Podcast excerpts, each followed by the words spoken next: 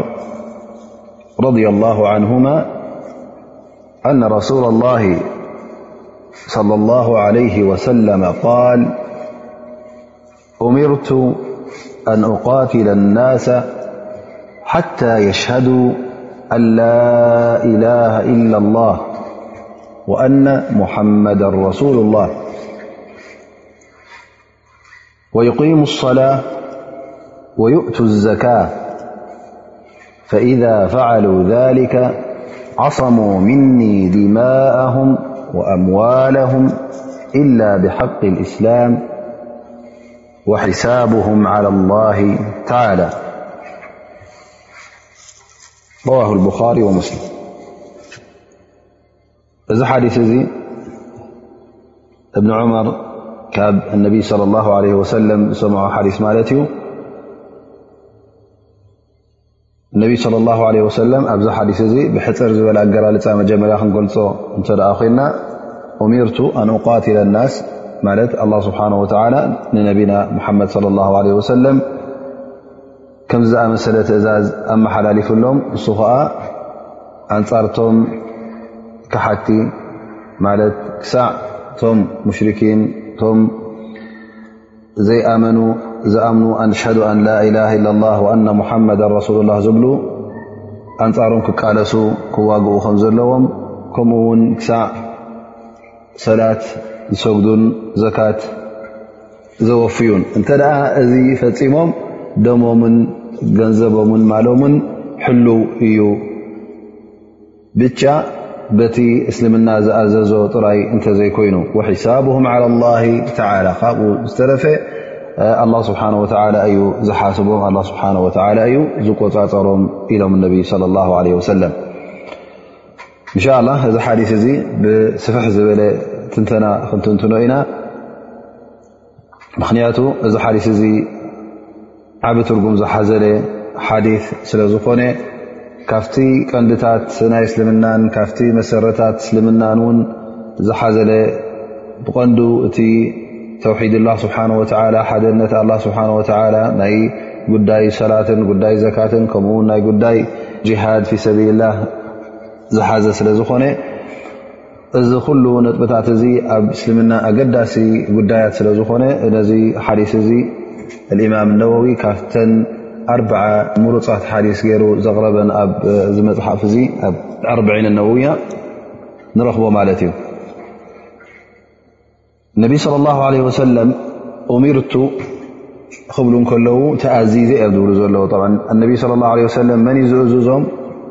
ወዲ ሰብ ዝኾነ ወዲ ሰብ ፍጡር ኣይኮነን ዝእዝዞም እንታይ ደኣ ትእዛዞም ካብ ኣላ ስብሓን ወላ እዮም ዝቕበሉ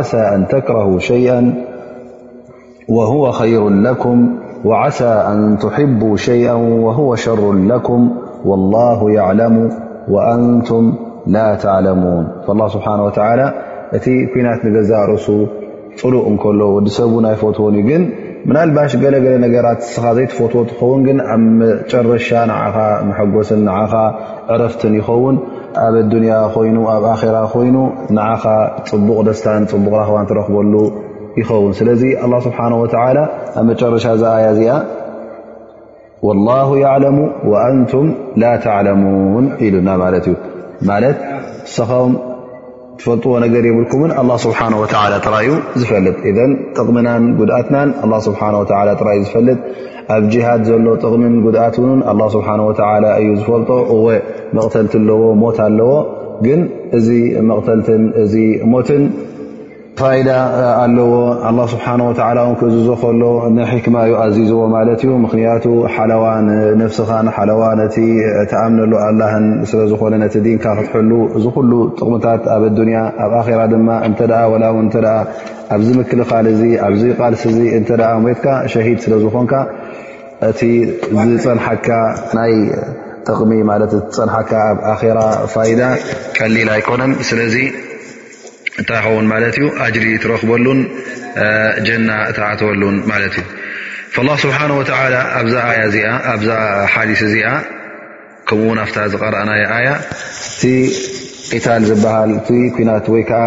ጅሃድ ዝበሃል ዋጅብ ከም ዝገበሮ ምክንያቱ እዚ እስልምና እዚ እዚ እምነት እዚ ፀላእቲ ኣለዎ እዞም ፀላእቲ ድማ ፍፁም ኣይድቅሱን እዮም እንታይ ደኣ ነዚ እስልምና እዚ መጀመርያ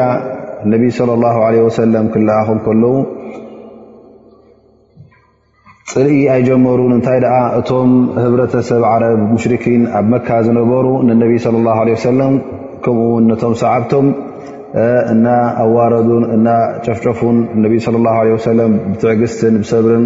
13 ዓመት ዳዕዋ ኣካይዶም ትፅልእን ተፃባእትነትን እቲ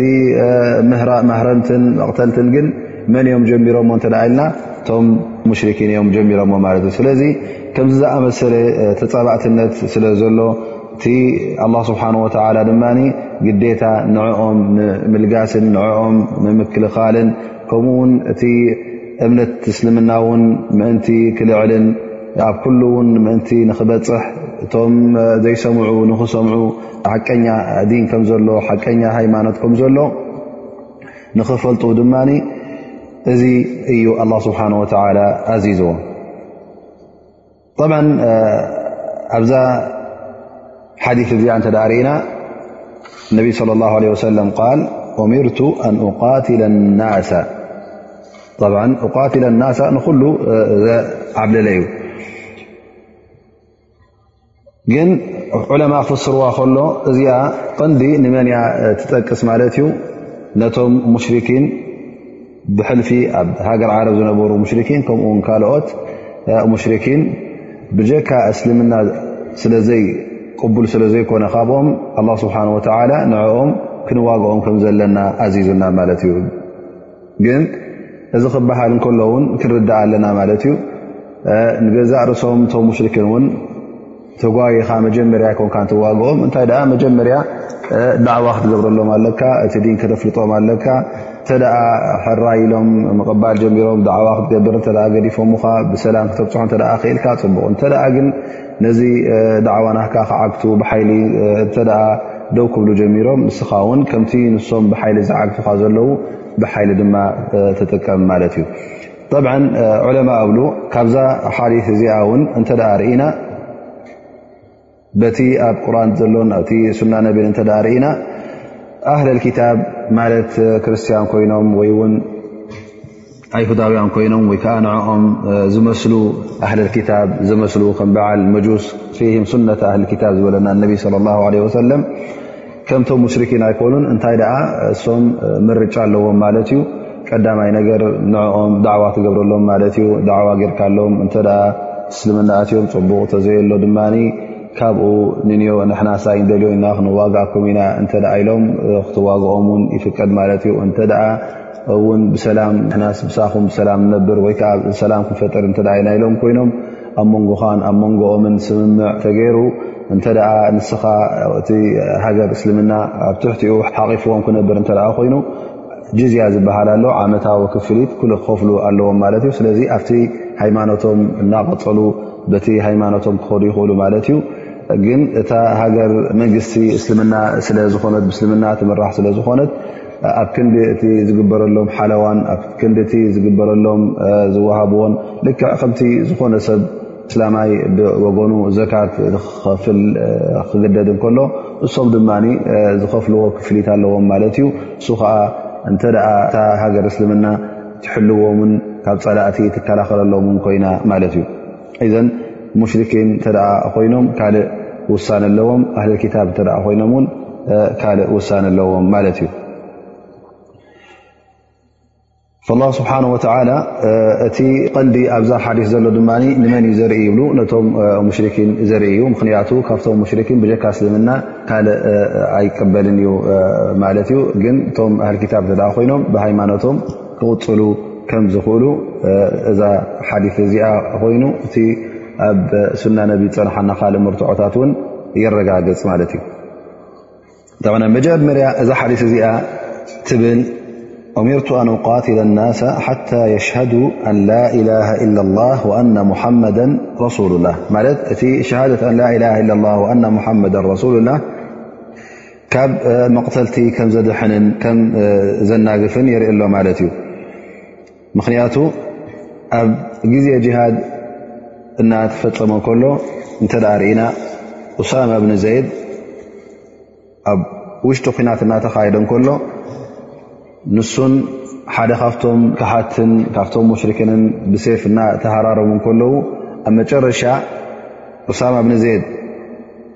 ምስ ተዓወተሉ እሞ ከዓ በታ ሴፍ ገይሩ ክሃርሞ ምስ ቀረበ እንታይ ይገብር ማለት እዩ ዝሰብ እዙ ላኢላ ላላ ኢሉ ኣብ ከዓ ኣሽዱ ኣን ላላ ላላ ይብል ማለት እዩ ኡሳማ ብኒ ዜድ ኣብኡ ከሎ እታ ሓፍ ኣቢልዋ ነበረ ሴፍ ኣውሪዱ ነዚ ይቀትሎ ማለት እዩ ኣብ መጨረሻ ናብ ነቢ ለ ላ ለ ወሰለም መፅኡ ከምዝን ከምዝን ተረኪቡ ይብሎ ማለት እዩ ፈነቢ ለ ላ ለ ወሰለም እዚ ምስ ሰምዑ ብጣዕሚ ነዚ ነገር እዚ ደስ ኣይበሎምን ማለት እዩ ከመይ ጌርካ እዚ ሰብ እዚ ኣሻዱ ኣላ ኢላ ኢላ ላ እናበለ ከሎ ትቐትሎ እሞ እዚ ሰብ እዚ ኣስላማይ እንከሎ ላስ ኢዱ ሂቡ ማለት እዩ ምሳኻ ኮይኑ ማለት እዩ ስለዚ ደሙን ማሉን ንኽትሃርሞን ንኽትቀትሎን ክትወስደሉን ብሕጊ ኩልኩል እዩ ስለዚ ስለምንታይ እዚኣ ጌርካ ኢሎም እነቢ ስለ ላ ለ ሰለም ብጣዕሚ ገሲፀሞ ማለት እዩ ንመን ንኡሳማ ብኒ ዘይድ ኡሳማ እንታይ ኢሉ መሊሱ ያ ረሱላ ላ እዚ ሰብ እዚ ናይ ብሓቂ ኣሚኑ ይኮነን እንታይ ደኣ ካብ መቕተልቲ ነፍሱ ንኸድሕን ኢሉ እዩ እዛ ቃል እዚኣ ዝበላ ምኽንያቱ እተ ኣሻዱ ኣን ላኢላ ለላ ኢሉ ከምዘይቅተል ስለ ዝፈለጠ ንነፍሱ ንኸድሕን ኣ እምበር ናይ ብሓቂ ኣሚኑ ኣይኮነን ኢሉ መሊሱ ማለት እዩ እነቢ ስለ ላ ለ ሰለም ግን ኣሸቐቕቲ ዓንቐልቢ እንታይ ኣፍሊጡካ ኣብ ልቡ ዘሎስ ከመይ ጌርካ ፈሊጥካዮ እዚ ነገር እዚ ዝፍለጥ ኣይኮነን ብምንታይ ቃልካ ዝስማዕ ድኣ እምበር ከም ኣብ ልቡ ወዲ ሰብ ናይ ብሓቂ እምነት ኣለዎን የብሉንሲ ከመይ ጌርካ ንስኻ እዚ እዩ ሓሲቡ ከምዚ ሓሲቡ ትብል ኢሎም እነቢ ለ ላ ለ ወሰለም ቃል ተቐበሉን በል እንደገና ደጋጊሞም ከይፈ ተስናዑ ብላ ኢላ ላ ዮም ያማ ዮም ያማ ፅባሕ እንተ እዚ ሰብ ዚ በፂኡ ኣነ ላ ኢላ ላ እናበልኩ ከለኹ እዚ ሰብ ዚ ቀትሉኒ ኢደ ሂበን ከለኹ ኣሰሰመ ከለኹ ናብ እስልምና ኣትየ ከለኹ ቀትሉኒ እንተበለ ኣብ ቅድሚ ኣላ ስብሓን ወላ ፅባሕ ንግሆ እንታይ ትገብር ኢሎም ደጋጊሞም ምስ ጠቐሱሉ ሳዕ ተጣዒሰ ኣነስ እዛ መዓልቲ እዚኣ ኣብ እስልምና ከም ብሓደሽ ኣትየ ነረ እተዝኸውን መሓሸኒ ነይሩ ይብል ማለት እዩ እዘን እንታይ ዘርእየና ዘሎ ኣብዚ ቃል እዚ እ ዝኾነ ይኹን እተ እቲ ሙሽርክ ዝነበረ እንተ ሸሃዳ ተቐባቢሉ ፍፁም እትቀርቦ ከም ዘይብልካ እቲ ልቡ ዘሎ ረቢ ፈልጥ ግን ብመልሓሱ እንተ መጀመርያ እታ ሸሃዳ ገይሩ ላስ ወዲ ሰብ እንታይ እዩ ዝርኢ እቲ ኣብ ቅድሚ እዩ ዘሎ እቲ ግሉፅ እቲ ግዳማዊ ተግባር እዩ ዘርኢ ማለት እዩ ዘን ተቐዳመይቲ ነጥቢ እዚኣ ትኸውን ማለት እዩ ኣብ እስልምና ትኣቱ ማለት እዩ ብኣ ኢኻ ብ እስልምና ትኣቱ እንተ ንሳ ዘይበልካ ግን ኣብ ክሕደት ኣለኻ ማለት እዩ ኣብ ሽርክ ኣለኻ ኣብ ጥፍኣት ኣለኻ ማለት እዩ ሸሃደት ኣን ላኢላ ለ ላ ኩላህና ንፈልጣ ኢና እ ብጀካ ኣላ ስብሓን ወተላ ካልእ ኣምልኾት ክወሃብ ዝፍቀድ ናይ ብሓቂ ኣምልኾት ዝግብኦ ብጀካ ኣላ ስብሓን ወተላ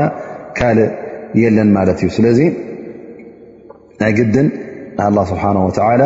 ሓደነቱ ትሕልወሉ እሱ ጎይታ ኮይኑ ተኣምነሉ ከለኻ እነቢ ለ ላ ለ ሰለም እውን ልኡኽ ኣላ ስብሓን ወላ ከም ምዃኖም ትምስክር ማለት እዩ ምስከራ ክበሃል ከሎ መስኪርካ ክትበሃል ከለኻ ልክዕ ነዚ ሓደ ነገር ብዓይንኻ ከም ዝረኣኻዮ ጌርካ ተኣምነሉ ኣለኻ ማለት እዩ ኣሽሃዱ ይብል ማለት እዩ ሓደ ሰብ ምስክር ምስክር መዓስ እዩ ዝኸውን ንወዲሰብ ምስክር ከይረኣየን ከይሰምዐን ኣይኮኑን እዩ ስለዚ ትሑዝ ነገር ጭቡጥ ነገር ኣለካ ማለት እዩ ኣሽሃዱ ክትብል ከለኻ እቲ እምነትካ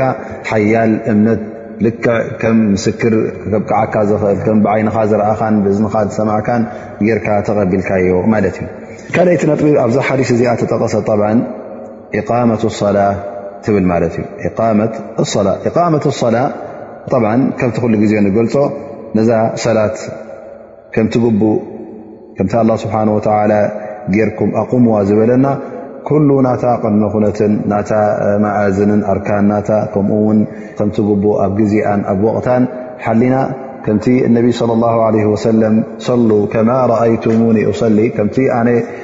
ሰግድ ከምቲ ኣሰጋግዳ ናተይ ገረ ከምቲ ናተይ ኣሰጋግዳ ጌርኩም ስገዱ ከምቲ ዝረኣኹም ከመይ ገረ ከምዝሰግድ ዝረኣኹ ከምኡ ጌርኩም ስገዱ ስለ ዝበሉና ልካ ነቲ ኩሉ ምስቲ ሰላት ዝተኣሳሰረ ከምቲ ዝጥለብ ጌርና ክሰግዳ ከለና እዚ ኢቃመት ሰላ ዝበሃል ማለት እዩ ስለዚ ሰላት ኣቑመያ ክትብል ከለኻ ጎባጥን ጠዋይ ክትከውን የብላን እንታይ ኣቋቑማ ናታ ትኽ ዝበለ ክኸውን ኣለዎ ማለት እዩ ነቕ ዘይብል ኣቋቑማ ክኸውን ኣለዎ ማለት እዩ እንተ ገለ ካብቲ ፈርዲ ካብቲ ሱና ካብቲ ገለ እተ ተጓዳድል ኮይንካ እዛ ሰላት እዚኣ እንታይ ትኸውን ኣላ ማለት እዩ ከም ጉብቲ ጉቡእ ኣይ ቀነዐትን ኣላ ማለት እዩ ስለዚ ሽሩጥናታን እቲ ኣርካናታ ብቐንዲ ተን ዝዓበየ ሰ ሸርጥን ተን ኣርካን ዝበሃላ ንዕአን ክተማልእን ከለኻ እዚ ኢቃመት ሰላ ይበሃል ማለት እዩ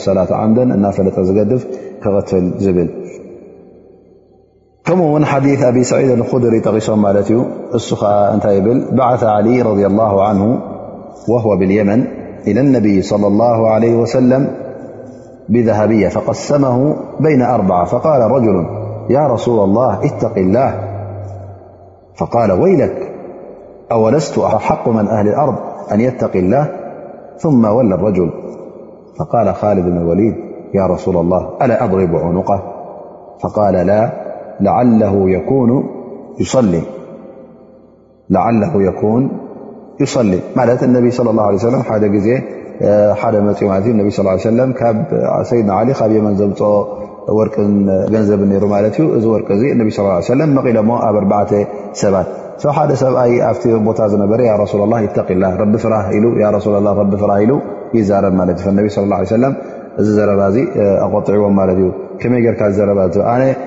እቲ ብዝያዳ ካብ ኩለኹም ፈራህ ረቢ ዝኾንኩም ፈራህ ረቢ ክኸውን ዘለንን ኣነ እንድ ከመይ ጌርካ ዘረባ እዚ ትብል ኢሎም መሊሶምሉ ማለት እዩ ሽዑ እዚ ሰብኣይ እዚ ይኸይድ ማለት እዩ ምስ ከደ ካድ ንወሪድ መፅኡ ያ ረሱላ ላ እዚ ሰብ እዚ ከይደዶ ክቀትሎ ይብሎ ማለት እዩ ነቢ ለ ላ ለ ሰለም ላዓለሁ ኣን የኩን ይሰሊ ምናልባሽ ካብቶም ዝሰግዱ ከይከውን እሞኒ ንሕና እቲ ዝበሎ ዘረባ ዓብ ገበን እዩ ነይሩ ግን እዚ ሰብ እዚ እንተ ሸሃደት ኣን ላኢላ ላላ ዝበለ ከም ኣስላማይ መጠን ከምኡውን ዝሰግድ እንተ ኮይኑስ ደሙ ሓላል ኣይኮነን ንክቐተል ኢሎም ይመልሱ ማለት እዩ ፈኢዘን ላዓለ ኣን የኩን ይሰሊ ኢሎም እቶም ዕለማ ደሊል ዓላ ኣኑ ሰላት ደምካ ሓላል ኣይትገብሮን እያ እንታይ ደኣ ደምካ ትሕልዎ ማለት እዩ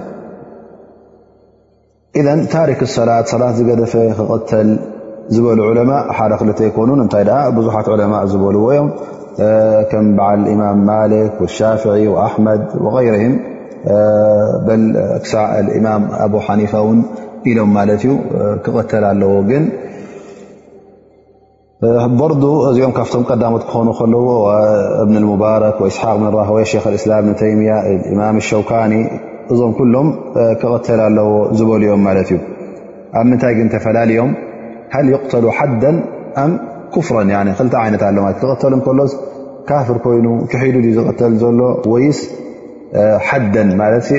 ሕኩም ናቱ ፍርዲ ናቱ ኣስላማ እዩ ግን ክቐተል እከሎ ል ከምቲ ሰብ ዝቐተለ ዝቐተሎ ወይ ከዓ ከምቲ ተመርዕዩ ዝነበረ ተመርዕዩ እከሎ ዝምውና ዝፈፀመ ዝቕተሎ ከምኡ እዩ ኢሎም ሓድ ማለት እዚ ማለት እዩ ከም መቕፃዕቲ ማለት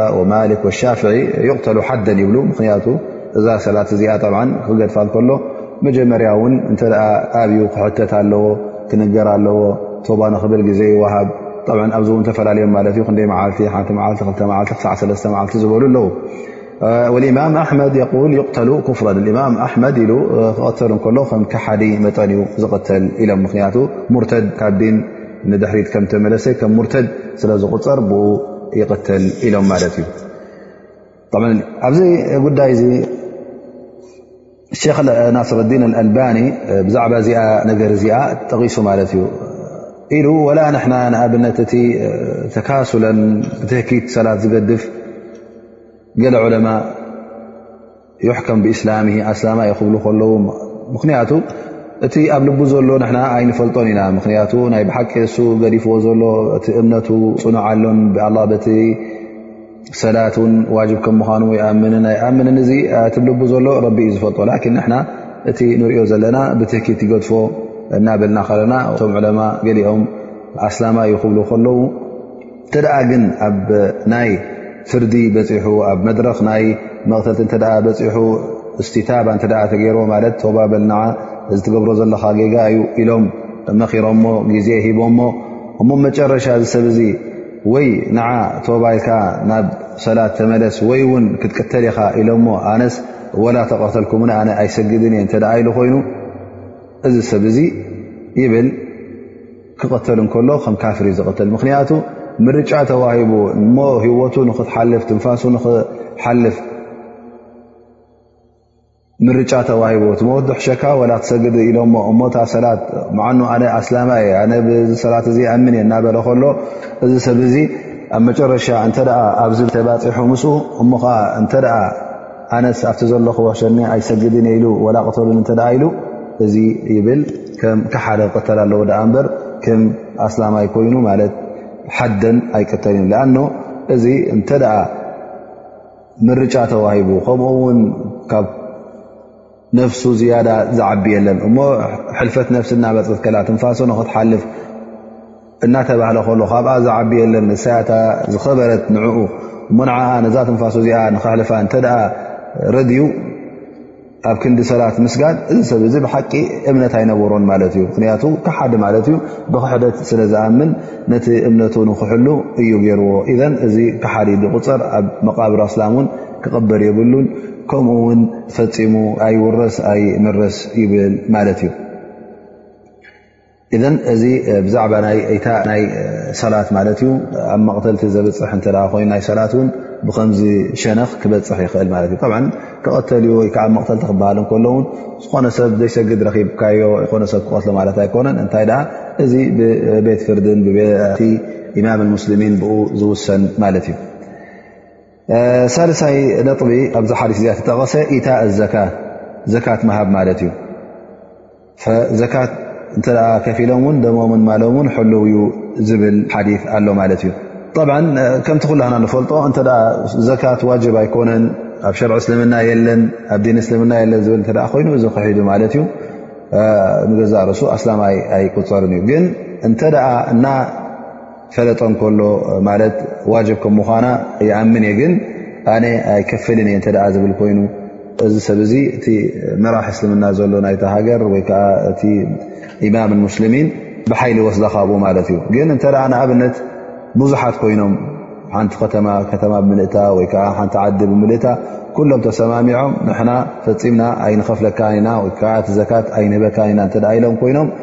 እዚ ኢማም እዚ ይዋግኦም ማለት እዩ ይቃለሶም ማለት እዩ ብሓይሊ እውን ከኽፍሎም ኣለዎ ማለት እዩ ነዚ ጉዳይ እዚ ነዚ ርእቶ እዚ ወይ ከዓ ነዚ ጉዳይ እዚ ብዝያዳ ዘበርህ ከም መርትዖ ዝቐርብ ድማ ተግባር ናይ መን ማለት እዩ ናይ ሰይድና ኣቡበከር ናይ ከሊፈት ሙስልሚን ከሊፈት ረሱል ላ ለ ላ ለ ሰለም ኣቡበክር ኣሰዲቅ ማለት እዩ ኣቢ ሁረይራ ቃል ለማ ተውፍያ ረሱሉ ላ ለ ላ ለ ወሰለም وكان أبو بكر وكفر من كفر من العرب فقال عمر كيف تقاتل الناس وقد قال رسول الله - صلى الله عليه وسلم أمرت أن أقاتل الناس حتى يقولوا لا إله إلا الله فمن قالها فقد عصم مني ماله ونفسه إلا بحقه وحسابه على الله فقال والله لأقاتلن من فرق بين الصلاة والزكاة فإن الزكاة حق المال والله لو منعوني عناقا كانوا يؤدونها إلى رسول الله - صلى الله عليه وسلم - لقاتلتهم على منعها فقال عمر فوالله ما هو إلا أن قد شرح الله صدر أبي بكر للقتال فعرفت أنه الحق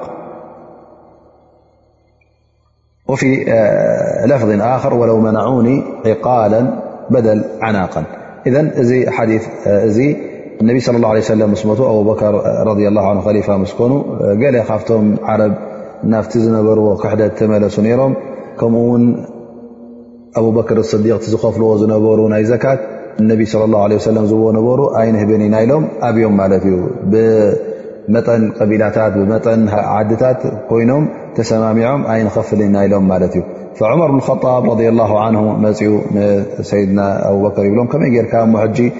ንዋግኦም ትብል ኣለኻ ነዞም ሰባት እዚኦም ክንዋግኦም ኣለና ብሓይሊ ከነኽፍሎም ኣለና ዘካት ትብል ምክንያቱ እነቢ ስለ ላ ለ ሰለም ኡሚርቱ ኣን ቃትለ ናስ ሓታ የቁሉ ላላ ላ ስለ ዝበለ እዞም ሰባት እዚኦም ነታ ላላ ላ ኣይገደፍዋ ኣስላም ኢና ንኣምንና ኢሎም ግን ጥራይ ናይ ዘካት እዮም ኣብዮም ዘለዉ ኢሉ ተዛሪቡ ማለት እዩ ኣብበከር ስዲቅ ረ ላ ን ይብል ወላ ለው ቃትለና መን ፈረቀ በይና ኣሰላት ወዘካ ኣነ ኣብ መንጎ ሰላትን ኣብ መንጎ ዘካትን ዝፈላለየ ሰላት ክሰግድ ዘካት ኣይከፍልን ዝበለ እዚ ኣነ ክዋግኦ እየ ምኽንያቱ ዘካት ልክዕ ካብቲ ናይ ማል ናይ ገንዘብ ካብኡ ክትወፅእ ዘለዋ እያ ከምኡ ውን ወላ እንተ እዞም ሰባት እዚኦም ንነቢይ ለ ላ ለ ወሰለም ዝኸፍልዎ ዝነበሩ ወላ እውን ሓንቲ ማሕስእ ትኹን እንተ ንነቢ ስ ሰለም ትኸፈል ነራ ኮይና እሞ ብድሕሪኡ ኣይንኸፍለላን ኢና ኢሎም እተ ኣብዮም ኣነ ክዋግኦም እየ ኢሉ ማለት እዩ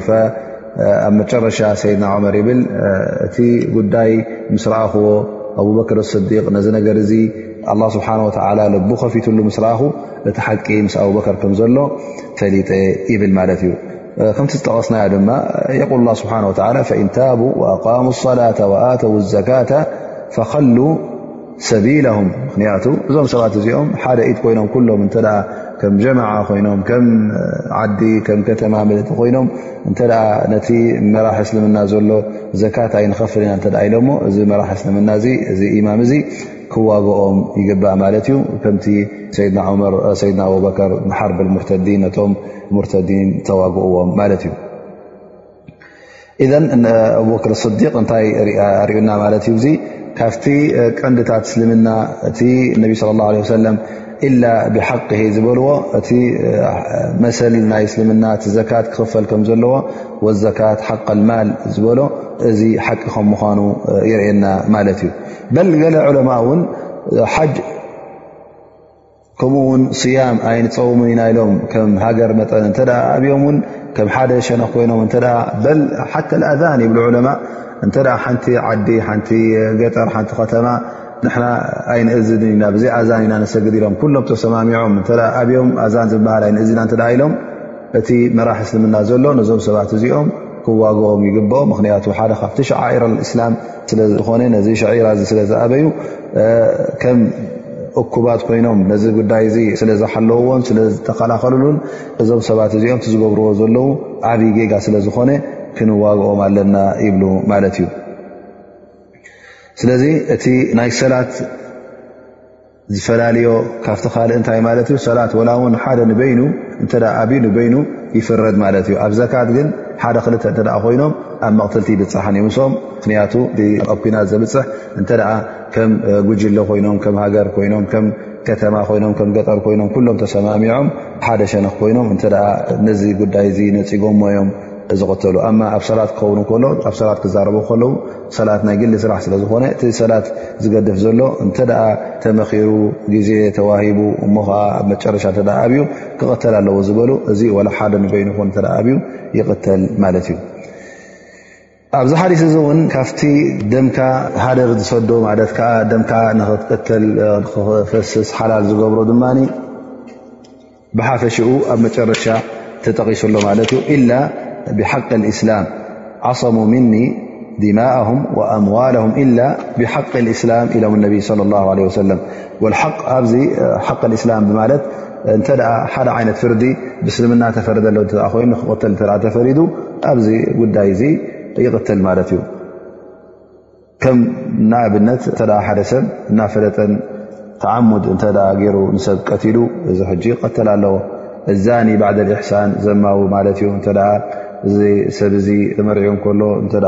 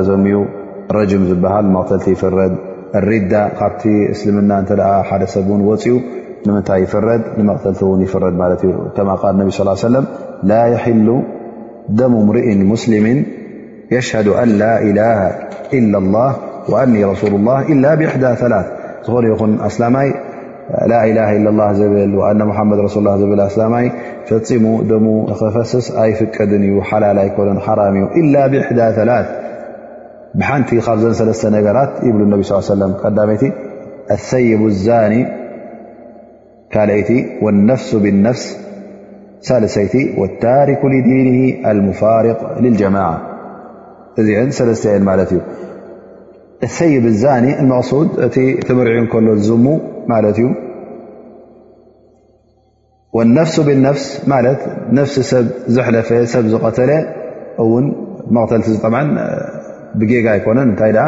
ፈሊጥካ መቕተልቲ ክትገብር ክትፍፅም ከለኻ ማለት እዩ እዚ እውን ይቕተል ማለት እዩ ወታሪኩ ሊዲን ኣልሙፋርቅ ልጀማዓ ከምኡ ውን ዲኑ ገዲፉ ኣብ ካልእ ማለት ኣብ ን ስላም ን እስላም ገዲፉ ኣብ ካልእ ዲን ዝኸደ ነቶም ህዝቡ ገዲፉ ናብ ካልኦት ተፀንበረ እዚ እንታይ ይኸውን ማለት እዩ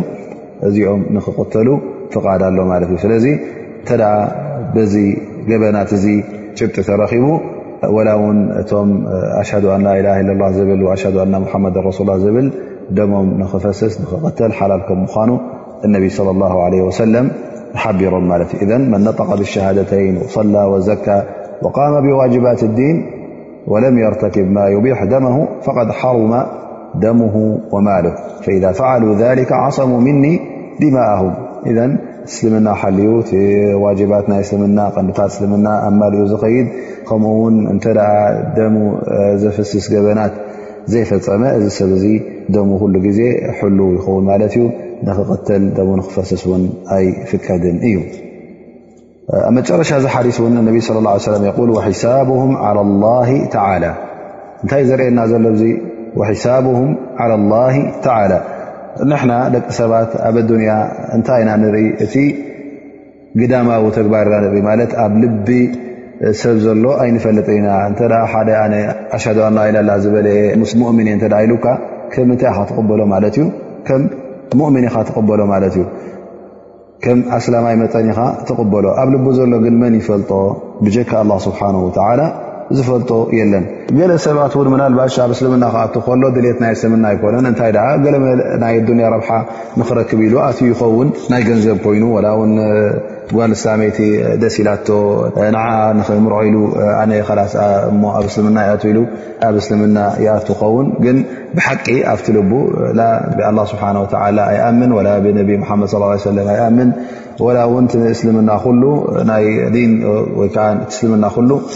ከም ሓቀኛ ዲን ኮይኑ ኣይትስምዖ ንኸውን ግን ንረብሓን ግዜዊ ረብሓን ጥቕምን ኣትዎ ይኸውን ስለዚ እዚ ኣብቲ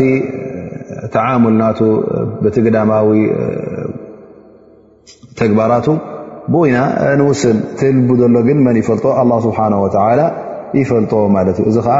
ከም መን እዩ ዝቁፀር ከም ሙናፍቕ እዩ ዝቁፀር ወላ እውን ሓደ ሰብ እንተ ሙናፍቕ ከም ምዃኑ እስኻ ትፈልጦ ኮንካ ንንሱ ኣነ ዕላዊ ዘራርብ ሙናፍቕ ኣይኮንኩን ኣነ በዓል ኢማን ኣነ ሞእሚን እየ ተ ዝብል ኮይኑ ሰብ እዙ ከም በዓል ኢማን ከመስላማይ ኢኻ ትቕበሎ ማለት እዩ ስለዚ እቲ ንሕና ንሪኦ እቲ ግዳማዊ ተግባር እዩ ዝሪኦ ማለት እዩ ላኪን ኣላ ስብሓን ወተላ ነየና ይርኢ ነቲ ልቢ ነቲ ናይ ውሽጢ እዩ ዝርኢ ማለት እዩ ካብቲ ፈዋኢድ ረብሓ ወይ ከዓ ጥቕምታት ናይዚ ሓዲስ እዚ ዑለማ ዝጠቐስዎ እንተዳእሪእና እንታይ ይብሉ እቲ ቅቡል ኢማን ዝኸውን እንተ ድልዱል እምነት እዕትቓድ ጃዝም እንተ ኣብ ልብኻ ኣሎ ኮይኑ እዚ እኹል እዩ ይብሉ ማለት እዩ ምኽንያቱ ገሊኦም እንታይ ይብልኻ ነዚ እምነት እዚስ ኩሉ በብ መርትዑኡ ክትኣምኖ ኣለካ ተዓለሙ ኣዲላ ዋጅብ እዩ ዝበሉ ኣለዉ ግን ቲቐንዲ ከዚ ሓዲስ እዚ ንርድኦ ተዓሉም ኣዲላ ዋጅብ ኣይኮነን ማለትይሲ ነቲ እምነትካ ንኩሉ እምነትካስ መርትዖታቱ ንኽትመሃርን ንኽትፈልጥን ግዴታ ኣይኮነን ምኽንያቱ እዚ ካልኣይ ደረጃ እዩ ግን እንተ ሓቀኛ ቅኑዕ እምነት ኣለካ ኮይኑ ብልብኻ እዚ እኹል እዩ ከም ሙእሚን ክትበፅሕ ትኽእል ማለት እዩ ከሊካ ኣብዚ ሓዲስ እዚ እንታይ ንርኢ ማለት እዩ እቶም ረበና ረቢ ቁሉብ ዝብሉ ምናልባሽ ኣላ ስብሓን ወተላ ኢማን ናይ ልብኻ ጥራይ እዩ ዝርኢ ዝብሉ እሞ ከዓ ነቲ ካልእ ተግባራት እስልምና ንዕኡ ሸለ ኢሎ መኸሩ ዝደልዩ እዚ ጉዳይ እዚ ጌጋ ከም ዝኾነ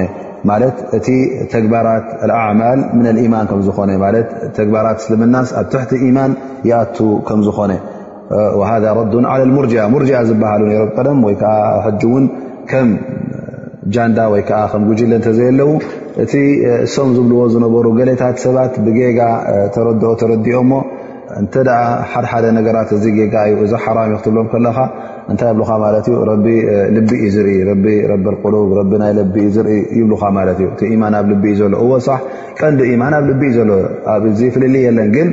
እቲ ተግባራት ከ ካብ ምንታይ ዝመንጨወ እዩ ካብ ኢማንካ ዝመንጨወ ዶ ኣይኮነን እንተ ናይ ብሓቂ ኢማን ኣለካ ኮይኑስ እንተ ድልዱል ኢማን ፅኑዕ ኢማን ኣለካ ኮይኑ ተግባራትካ ኩሉ ካብዚ እምነትካ እዚ ዝመንጨወ ክኸውን ዩ ዝግብኦ ማለት እዩ ስለዚ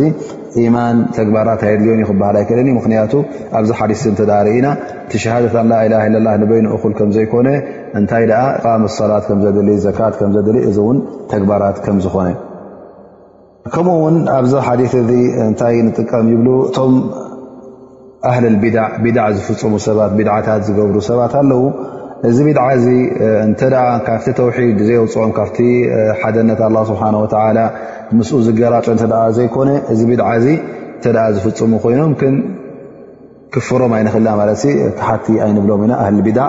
ተክፊሮም ኣይፍቀድን እዩ እንተ ኣብቲ ተውሒድ ኣለዉ ኮይኖም ማለት እቲ ቢድዓ ንገዛእ ርእሱ ሓደ ዓይነት ኣይኮነን ገለ ቢድዓታት ኣሎ ምስ ተውሒድ ላ ስብሓን ወ ምስ ዝገራጮ እተ ምስ ዝገራጮ ኮይኑ እዚ ወፅኦም ማለት እዩ ግን እተ ምስ ተውሒድ ዘይገራጮ ኮይኑ ከም ጌጋ ከም ገበን ይቐርብ ማለት እዩ ቅቡል ከምዘይኮነ እውን ይርዳእና ማለት እዩ ከምኣ ንኡስ ሓዲስ እዚ ሓዲስ እዚ እውን ዘርእየና ነቢ ስለ ላ ለ ወሰለም ብ ኣብ መካ ከለዉ ገና ኣብ 13 ዓመታት ዝኣክል ኩፉ ኣይድኩም እናበሉ ኢትኩም ሓዝ ሰብ ግበሩ እዮም ዝብሉ ነይሮም እቲ ትእዛዝ ግን እዚ ትእዛዝ ድማ ዳሕራይ ኣብ መዲና ምስ ከዱ ከም ተፈቐዶም መጀመርያ እቲ ወሪድዎም ዘሎ ሽግርን ዓመፅን ዓብ ስለ ዝኾነ ኣላ ስብሓን ወተላ ኣፍቂደሎም ማለት እዩ ብድሕሪኡ ድማ ኣላ ስብሓን ወተላ እውን ኣዚዝዎም ማለት እዩ ኩቲባ ዓለይኩም ልቅታሉ ወህወ ኩርሁን ለኩም ኣብዚ ሓሊስ ድማ ኦሚርቱ ማለት እዘ እነቢ ስለ ላ ለ ሰለም እዚ ክብሉ ከለዉ ከም ተኣዘዙ ጠቒሶም ማለት እዩ እዚ ትእዛዝ ድማ ንኦም ብፍላይ ኣይኮነን እንታይ ደኣ ንኦም እዩ ነቲ እማናቶም ድማ ብሓፈሽኡ ማለት እቶም ብድሕሪኦም ዝሰዓቡ ኩለፋ ከም በዓል ኣቡበክር ስዲቅ ኮይኖም ዑመር ዑስማን መሪሕነት ናይ እስልምና ሒዞም ዝኮዱ እውን እዚ ጉዳይ እዚ ይርእዮም ማለት እዩ እቲ ጅሃድ እውን ቀፃሊ ከም ዝኾነ ንውሱን ግዜ ኣብ ግዜ ነቢ ለ ላ ለ ሰለም ጥራይ ኣይኮነን እንታይ ደኣ ቀፃሊ ከምዝኾነ ከም ዝቕፅል እውን እዩ ዘርእየና ዘሎ ማለት እዩ እንሻ ላ ናይ ዮም መዓልቲ ደርስና በዚ ይድምደም ማሻላ ቁል ቀውሊ ሃ ኣስኣላ ስብሓን ወላ ኣን የንፋዕና ብማ ሰሚዕና